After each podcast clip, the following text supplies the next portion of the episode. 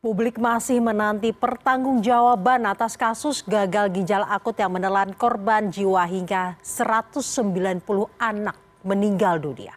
Walau penyidikan sudah berlangsung namun hingga kini Bares Krim Polri belum menetapkan tersangka. Ada pula desakan dari DPR RI yang meminta agar Ketua BPOM Penny Lukito ikut bertanggung jawab kita akan membahas lebih dalam penantian publik ini dalam editorial view bersama dengan wakil pemimpin redaksi CNN Indonesia Revolusi Riza. Selamat malam Mas Revo. Selamat malam Caca.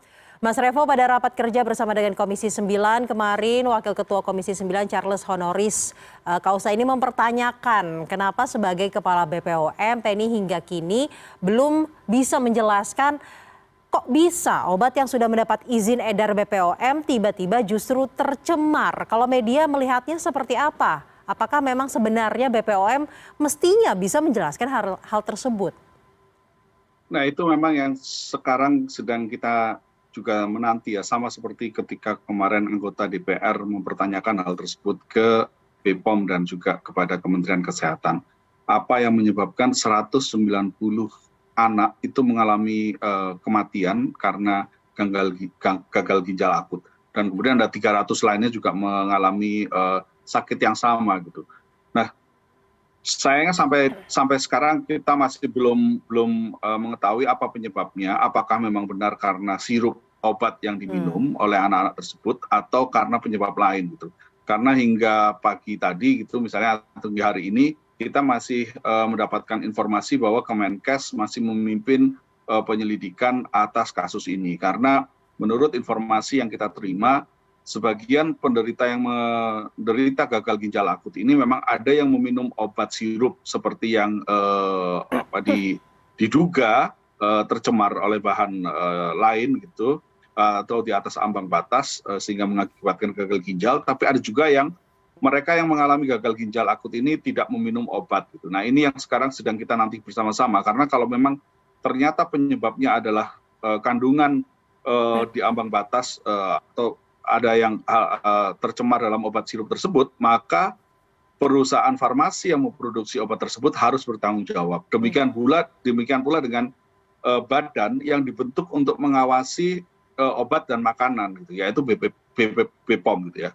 harus ikut bertanggung jawab atas kasus ini dan juga kemudian sampai sejauh mana uh, penanggung ter, apa, uh, tanggung jawab yang harus diemban oleh Kemenkes misalnya. Hmm. Nah ini kan kita semua sama-sama menunggu ya karena angka 190 itu tentu bukan angka yang kecil gitu. Angka kematian dari 190 anak harusnya segera uh, uh, kita segera kita itu sama-sama menunggu kenapa ini kok bisa terjadi hal demikian demikian akibatnya kan lebih luas juga karena e, kalau misalkan sekarang ada anak yang sakit kita semua tentu akan khawatir kan ketika hmm. ketika kita akan membeli obat e, ketika kita membeli obat e, ke apotek misalnya apakah obat yang akan kita beli ini aman atau tidak gitu sementara dalam musim-musim seperti sekarang ketika musim penghujan masih dalam apakah ini musim pancaroba atau bukan gitu ya tapi tapi kalau kita rasakan sekarang antara panas dan hujan ini sering kali datang secara bersamaan gitu ya.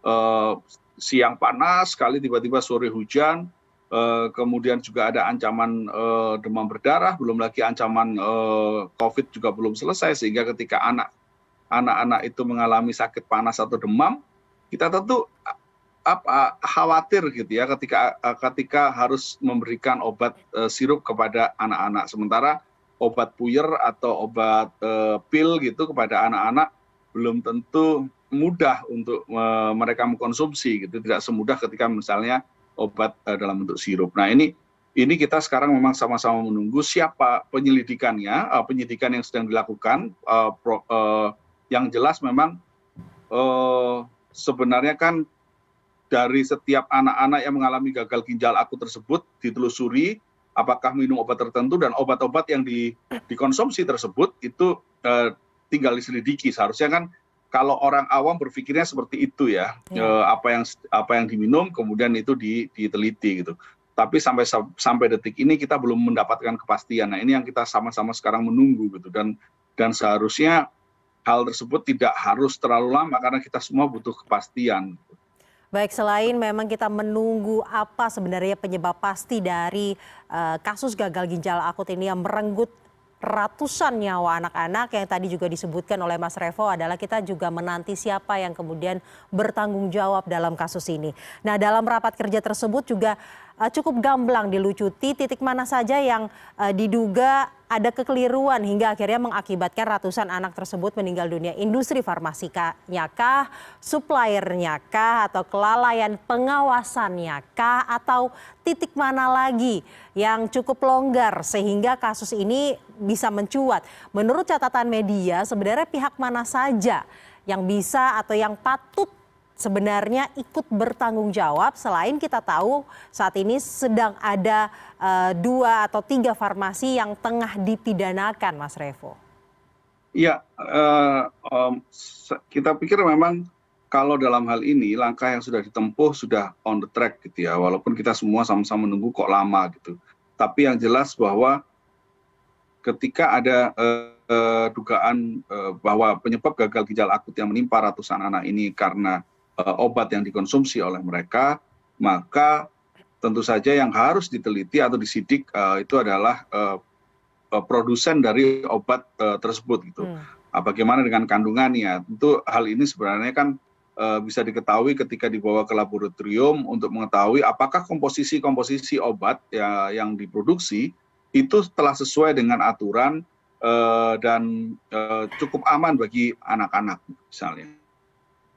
Nah kalau memang terbukti bersalah, maka eh, kalau terbukti ada yang keliru dalam komposisi dari obat tersebut, maka tentu saja produsen dari obat tersebut harus bertanggung jawab. Dan kemudian ini tentu juga me, dalam kalau ditarik lebih jauh, maka siapa badan yang harus mengawasi peredaran obat? Eh, bagaimana pengawasannya? Apakah ada kelalaian dalam pengawasan sehingga mengakibatkan obat yang tercemar tersebut itu lolos edar ke masyarakat? Bagaimana pengawasannya selama ini. Nah tentu saja memang sekarang kasus ini membuka uh, mata kita ya bahwa hmm. kalau misalkan prosedur-prosedur itu sudah ditaati dengan baik, bahwa ada bahan-bahan ini kan sebenarnya kita semua anak dari kita masih kecil pun ya uh, Sarza ini kan kita juga mengkonsumsi obat uh, sirup gitu ya dan hmm. tiba-tiba hmm. kita semua tercengang gitu karena obat yang dikonsumsi ini bukan obat baru gitu. Ada obat yang selama ini sudah beredar di pasaran jauh uh, uh, apa sebelum kasus ini bukan bukan bukan obat baru lah gitu kira-kira. Uh, bukan seperti vaksin uh, yang baru ditemukan dan kemudian diinjeksikan gitu kan. Tapi kan ini sudah kalaupun memang vaksin baru di yang ditemukan itu kan juga sudah melalui uji uh, klinis dan sebagainya sebagainya gitu ya. Sehingga dipastikan aman kepada masyarakat. Nah, obat pun kan juga demikian nah tiba tiba kemudian kita tercengang kita terkaget-kaget karena mendengar kabar ada awalnya ada enam anak meninggal di Jawa Barat kemudian di Jawa Timur di Jakarta juga sama kemudian angkanya mencuat mencuat mencuat eh, tiba-tiba 190 anak meninggal dunia karena kasus gagal ginjal akut. Nah, kalau memang eh, ada hal yang keliru dalam eh, obat yang beredar, artinya mungkin tercemar hal eh, kalau eh, apa kandungan yang selama ini diduga karena bahan baku pelarut uh, dari propilen glikol kemudian uh, mengandung etilen glikol dan dietilen glikol itu melebihi bahan bat melebihi batang ambang batas sebagai penyebab kematian kasus kasus yang terjadi ini maka ya lagi-lagi tadi ya perusahaan farmasi harus bertanggung jawab. Kemudian kok bisa uh, obat tersebut beredar? Siapa berarti kan apakah ada kelalaian dalam pengawasannya bagaimana dengan sistem sistem uh, checking ketika hmm. obat itu quality control ketika obat itu sebelum beredar ke pasaran. Dan nah ini kan yang harus di di uh, semua semua yang terkait dengan proses-proses tersebut, saya pikir mereka-mereka itulah yang harus bertanggung jawab ya. Kalau memang benar uh, dugaannya karena ada uh, bahan ke dalam obat sirup itu ada uh, ada yang di ambang batas atau tercemar oleh bahan-bahan yang membahayakan uh, kepada anak. Mas Revo kalau berbicara mengenai uh, produsennya ada atau perusahaan farmasinya saat ini sedang dimintai pertanggungjawaban karena sedang berjalan pidananya di Barreskrim. Namun uh, kita berbicara mengenai pengawasan yang tadi juga Mas Revo singgung Komisi 9 DPR RI pada saat rapat kerja juga menilai bahwa BPOM sebagai badan yang seharusnya melakukan pengawasan-pengawasan tersebut dinilai pasif oleh Komisi 9 dalam melakukan pengawasan obat-obatan. Sebenarnya dalam catatan media seperti apa? BPOM ini kan bukan baru-baru ini saja lahir, Mas Revo. Iya, tentu saja memang kita juga bertanya-tanya hal yang sama seperti yang ditanyakan oleh uh, wakil rakyat kita di uh, parlemen, gitu ya. Uh, apakah memang terjadi kelalaian dalam pengawasan dari pihak yang bertanggung jawab badan yang dibentuk untuk mengawasi peredaran obat dan makanan gitu. Dalam hal ini tentu adalah BPOM gitu. Nah, tentu tapi tentu saja kita menunggu ya caca hmm. apakah memang terjadi kelalaian dalam hal uh, dari dari uh, bepom gitu kita tentu menunggu penyidikan yang dilakukan uh, oleh uh, bareskrim hmm. oleh kepolisian dan juga oleh internal uh, Kemen Kementerian Kesehatan karena uh, dari informasi yang kita dapatkan memang saat ini Kementerian Kesehatan sedang masih fokus untuk hmm. uh, fokus untuk apa namanya meng Eh, supaya anak anak yang sekarang sedang dalam perawatan itu tidak eh, bisa diselamatkan dan kemudian bagaimana menarik obat obat yang sedang eh, yang diduga bermasalah tersebut. Dan juga setelah itu yang kita dengar adalah Kemenkes pasti juga akan mm, apa turut dalam menginvestigasi apakah bagaimana apa yang menyebabkan obat-obat tersebut yang kalau memang karena obat tersebut kok bisa beredar di pasaran. Nah, ini yang kita sama-sama menunggu. Kalau memang ternyata ada eh, eh, kelalaian di situ, ya tentu kita menuntut pertanggungjawaban dari pihak-pihak yang lalai tersebut. Nah, catatan kita juga seperti ini, eh, Caca, bahwa eh, di beberapa beberapa waktu yang lalu kita mendapatkan beberapa obat yang eh, ditarik dari pasaran, kemudian daftar tersebut juga eh, berubah dari yang awal yang hmm. kita terima kemudian ada obat yang dinyatakan aman gitu ya tapi kemudian beberapa hari yang lalu WHO juga mengeluarkan daftar terbaru yang memuat kembali beberapa obat yang sebelumnya dinyatakan aman kemudian eh, dinyatakan aman dinyatakan tidak aman kemudian dinyatakan aman dan oleh WHO ternyata dinyatakan tidak aman. Nah, kita tentu berharap bahwa semua pihak yang bertanggung jawab dalam Eh, peredaran obat ini eh, di pasaran harus transparan gitu. Hmm. Jangan sampai kemudian karena ada kekuatan-kekuatan kapital misalnya itu kemudian membuat uh, membuat hal-hal uh, yang seharusnya di uh, uh, ini bisa mengubah gitu ya isi hmm. uh, isi dari obat-obat uh, yang dinyatakan bermasalah. Tentu kita berharap BPOM dan juga Kemenkes ini uh, tetap tegak lurus gitu ya, ada di jalurnya sehingga memastikan kepada masyarakat bahwa uh, obat-obat yang beredar di pasaran ini aman gitu. Nah kita kita tentu semua berharapnya uh, demikian gitu karena uh, jangan sampai karena ada kekuatan-kekuatan kapital besar kemudian bisa me, me, me, apa, uh, menekan gitu ya, ya. menekan ya. uh, penyelidikan. Tapi kita semua tentu percaya bahwa BPOM dan BPOM dan Kemenkes tetap tegak lurus dalam hal ini, Caca. Namun yang menariknya nih eh, Mas Revo ternyata ada desakan yang cukup keras sebenarnya dari DPR RI agar Ketua BPOM Pendi Lukito ikut bertanggung jawab dan dipecat dari jabatannya. Padahal investigasi ini masih berlangsung seperti yang tadi dikatakan oleh Mas Revo. Sebagai media yang terus mengawal kasus ini sebenarnya Mas Revo bagaimana melihat desakan tersebut?